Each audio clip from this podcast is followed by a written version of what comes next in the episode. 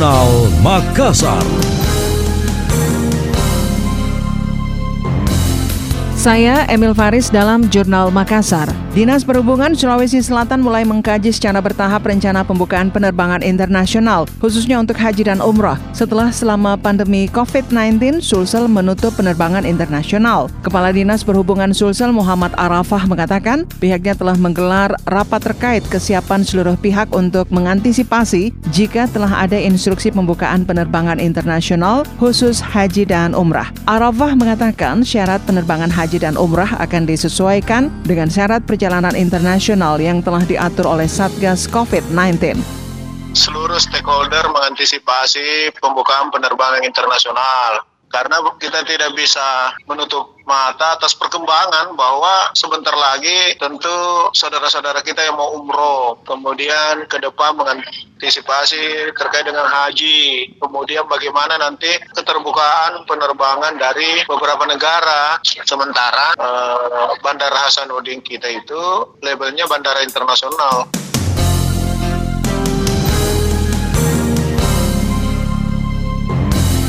Saat ini diketahui baru tiga bandara yang melayani penerbangan internasional, yaitu Bandara Soekarno-Hatta di Jakarta, Bandara Samratulangi di Manado, Sulawesi Utara, dan Bandara I Gusti Ngurah Rai di Bali. Menurut Arafah, pihaknya masih akan membahas lebih lanjut mekanisme penerbangan haji dan umrah. Beberapa hal yang akan dibahas yaitu penyediaan tempat karantina dan kesiapan dari semua pihak seperti perhotelan dan bandara.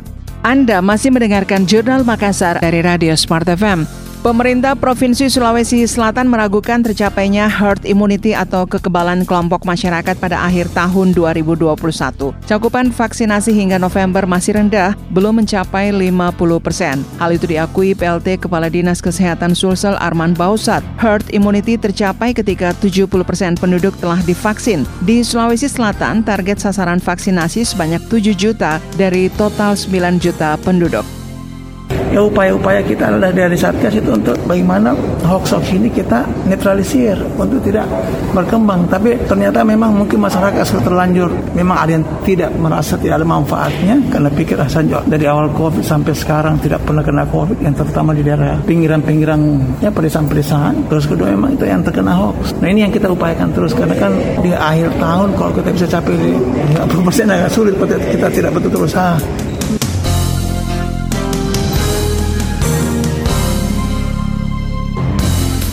Sejak pencanangan pada 14 Januari lalu hingga November, vaksinasi Sulsel baru mencapai hampir 40 persen untuk dosis pertama dan dosis kedua 26 persen. Kota Makassar masih menjadi daerah dengan capaian vaksinasi tertinggi di Sulsel dengan presentasi 70 persen. Sementara Kabupaten Jeneponto menjadi daerah dengan capaian vaksinasi terendah, yakni hanya 19 persen dosis pertama dan 8 persen dosis kedua.